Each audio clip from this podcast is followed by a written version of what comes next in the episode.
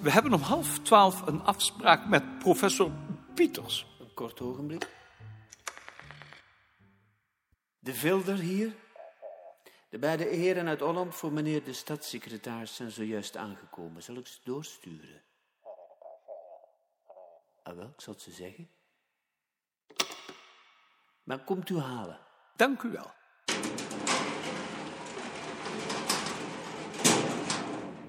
Professor Beerta? De broekheren.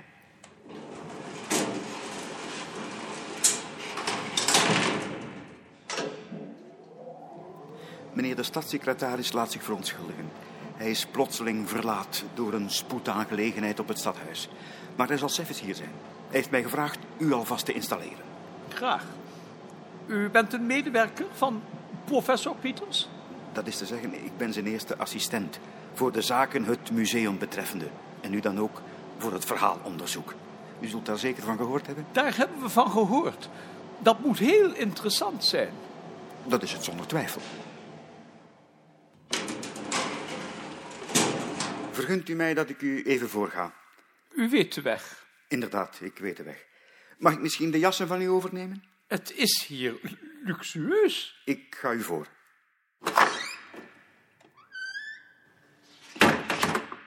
Ja, jij hebt het dus gevonden. Het wees zich vanzelf. Maar dat het zo luxueus zou zijn, hadden we toch niet verwacht. De stad heeft er veel geld in gestoken. Dankzij professor Pieters. Wilt u een kop koffie? Wij willen graag een kop koffie. Jij toch zeker ook? Graag. Ja, niet voor mij. Wilt gij drie koffie brengen naar de kamer van meneer de stadssecretaris? Meneer de stadssecretaris heeft mij gevraagd u alvast voor te lichten over de vorderingen het verhaalonderzoek betreffende. Als u mij toestaat, als je even de hoeken vast wilt houden. Wat je hier voor u ziet is de kaart van Vlaams-België tot de taalgrens. Hier heb je Leuven, Antwerpen, Gent, Brugge. In de gemeenten die oranje zijn ingekleurd, is het verhaalonderzoek reeds voltooid. Ik zal u daar even enkele voorbeelden van laten zien. In de gele, hier is het in gang gezet. In de witte zoeken we nog naar een student die de werkzaamheden op zich kan nemen. Indrukwekkend. Zoiets zouden wij ook moeten hebben. Bij ons kan dat niet, want wij werken niet met gemeenten. Toch moet je daar je gedachten eens over laten gaan, want dit is toch wel heel overzichtelijk. Je kunt zo in één oogopslag zien waar wat gedaan is. Ik vind het een compliment waard. Ik benijd u om wat u hiermee tot stand hebt gebracht. Dank u. Maar nu de resultaten. Bedient u. Mm, heerlijk. Een gepakje. Je hebt er lang genoeg voor gereisd. Ik zal u intussen enkele van de resultaten laten zien. Van deze delen zijn er nu al 187. 200 zijden elk. Iedere zijde een vijf of zes volksverhalen. En het worden er, als wij geheel gereed zullen zijn, ten naaste bij 500. Niet te geloven. En gaat u deze nu ook nog uitgeven? Want dit is toch zeer interessant materiaal. Dat is een volgend chapiter. Daarover zou u professor Pieters bescheid moeten vragen. Meneer Bertha, ik vraag om verschoning dat ik u heb laten wachten, maar er waren enkele problemen die geen uitstel dulden. Professor Pieters, u bent verontschuldigd.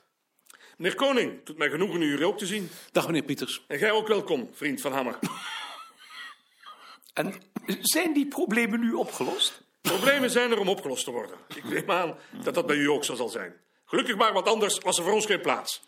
De Broekaire, heb jij het restaurant besproken? Jawel, meneer de stadssecretaris. Dan stel ik voor dat we nu vertrekken. Dan lopen wij heen. Het is hier kort om de hoek. We zijn onder de indruk van wat u tot stand hebt gebracht. Het is heel bijzonder. We doen ons best, maar suffers na de lunch heb ik nog iets geheel anders. Een geheel nieuw project, waar wij zojuist mee van start zijn gegaan. Meneer Koning, jij komt naast mij zitten, want ik heb zelfs nog wat met u te bespreken. En meneer Beerta, als jij aan mijn andere kant komt. Ober, vraag jij de heren wat zij als aperitief wensen en breng mij de aperitief van het huis. En vraag de bottelier om hier te komen. Wat gebruikt men hier als aperitief? Alles wat u wenst? Een jonge jenever dan maar. Ah, een witteke. Ik stel voor dat wij ons beperken tot de soep, een voorgerecht naar keuze en als hoofdgerecht hazerug. Die is hier heel goed. Naderhand kunnen we dan een beslissing nemen over het nagerecht.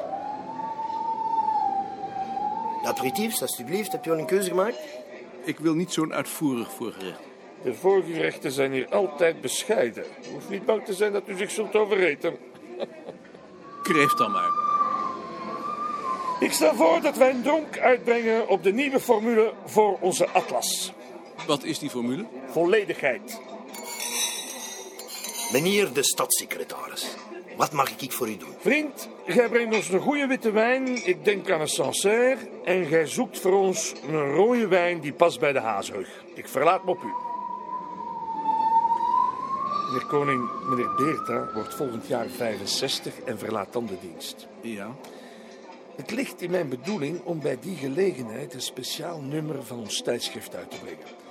Ik verwacht daarin van u een artikel en een uitvoerige biografische schets waarin de betekenis van meneer Beerta voor de wetenschap breedvoerig wordt uiteengezet. Daarbij zal ik ook de leden van uw commissie uitnodigen een bijdrage te leveren, zodat het een aflevering wordt die werkelijk recht doet aan de grote verdiensten van meneer Beerta voor ons vak. Daar zal ik eerst eens over moeten nadenken. Denk erover na. En laat mij zo spoedig mogelijk weten wat uw beslissing is. Ik reken op u. De kreeft voor u. Mag ik bijschenken, alstublieft?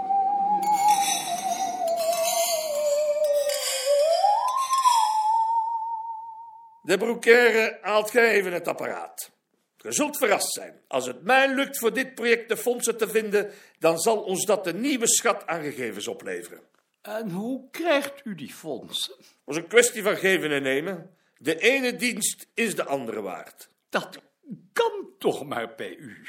Bij u kan dat ook, meneer Bertha. Alleen bewandelt men bij u andere wegen. Ik weet niet of u daar gelijk in hebt. Maar nu, luistert. Een ik weet het nog heel goed, met een was de eerste, de eerste. Zeg ik nog was goed gereden. Kom ik door, dat was zeker natuurlijk. Oh, ik was, toch, was er nog nooit niet geweest. Hoe, hoe, hoe, hoe zou dat dan willen dat, dat, dat, dat het mens dat vindt? Stop een ogenblik. Ik. De man die gij hier hoort is mijn vader. De komende maand wordt hij 96, maar zijn geest is nog glashelder, zoals u zelf zult horen. Hij vertelt hier hoe hij in zijn jeugd naar een genezer ging om van de roos genezen te worden. Interessant. De broekaire, ga voort. zat in de wachtkamer door. en Ja, maar niks, hè. Hier zat ik een café, hier was er niks, ik was schel van. Maar goed, Oké, ik, eh, paar meneer van gerechten naar binnen. De bezee, maar van op afstand, hè. Van op, ik mocht niet te dichtbij komen, van op afstand. Blijf zitten, blijf zitten. Die gorgel, maar die loopt maar. En die had zo, zo, zo, zo'n dingen, hè. Hoe noemde dat? Zo'n klaapendulke. Zo, een zo'n klaapendulke, zo'n keigelke, zo'n azig keigelke. On- on- Onderdrukken. En, en, en, en, en, ja, en die leed, die leed dat zo een beetje rondronden over mijn kop. Ik, ik dacht, het is raar, het is raar, want je weet niet wat er aan het gebeuren is, hè. Die zit maar te pendelen en te pendelen en dan gaat hij achteruit en die doet zijn oren toe en dan komt hij toen alleen. Ik dacht, zeg, het zal wel hè. dat is toch een beetje te raar. is er. En die schrijft iets op en die zegt tegen me, luister, dat en dat is er dan wat er precies was. Ik verstond er niks van natuurlijk.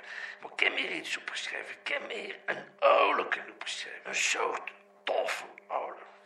Dat mag van alles mag je, wat dat je dus in de mayonaise doet. Hè, voor mayonaise te maken. Zo'n zo oude. En ik, ik vergoed dat zelf wel. Dat is dan al, al, al ingesloten. hè, Ingesloten. Oh, wat is. Dan snijden we precies in mijn oor af. En, en goed nog niet trekken. Maar, maar. Je hebt het kunnen verstaan.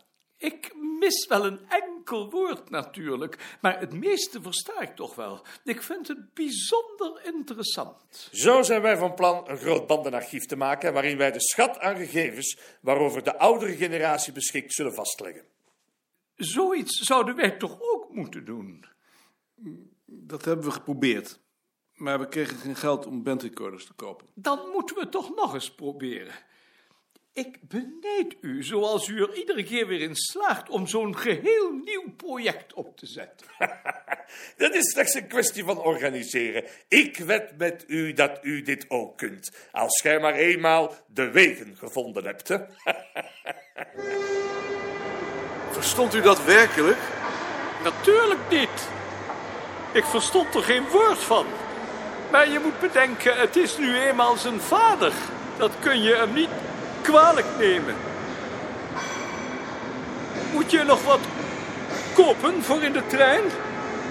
Nee, dank u. Ik ook niet. Voor vandaag heb ik wel genoeg gehad.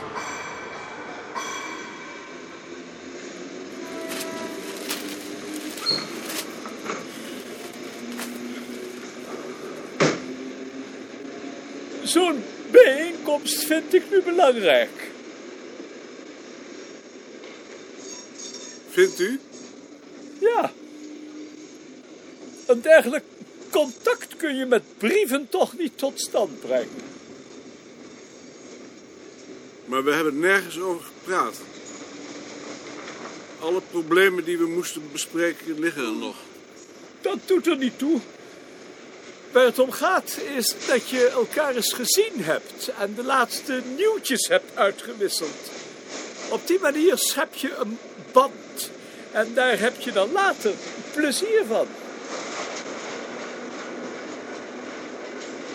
Die agenda met acht punten waarover we een beslissing moesten nemen. Die is niet eens aan de orde geweest. Dat doen we per brief. Daarover worden we het nu heus wel eens. Als je maar een keer met elkaar gegeten hebt,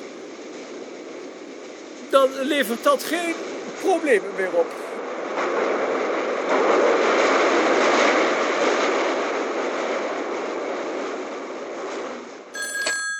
Hier is meneer Beerta voor u. Dank u.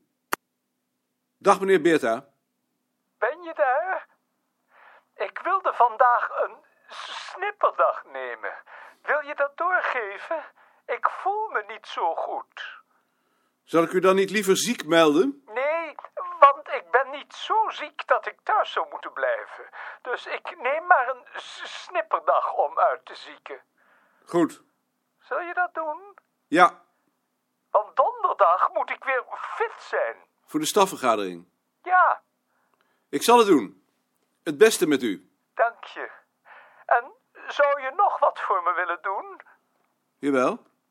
Op mijn bureau ligt een brief aan het bestuur van de vereniging. Zie je die? Er zit al een postzegel op, want het is een particuliere brief. Ja, ik zie hem. Zou je die voor me willen posten? Dat zal ik doen. Dank je wel. Dag. Dag meneer Beerta. Het beste met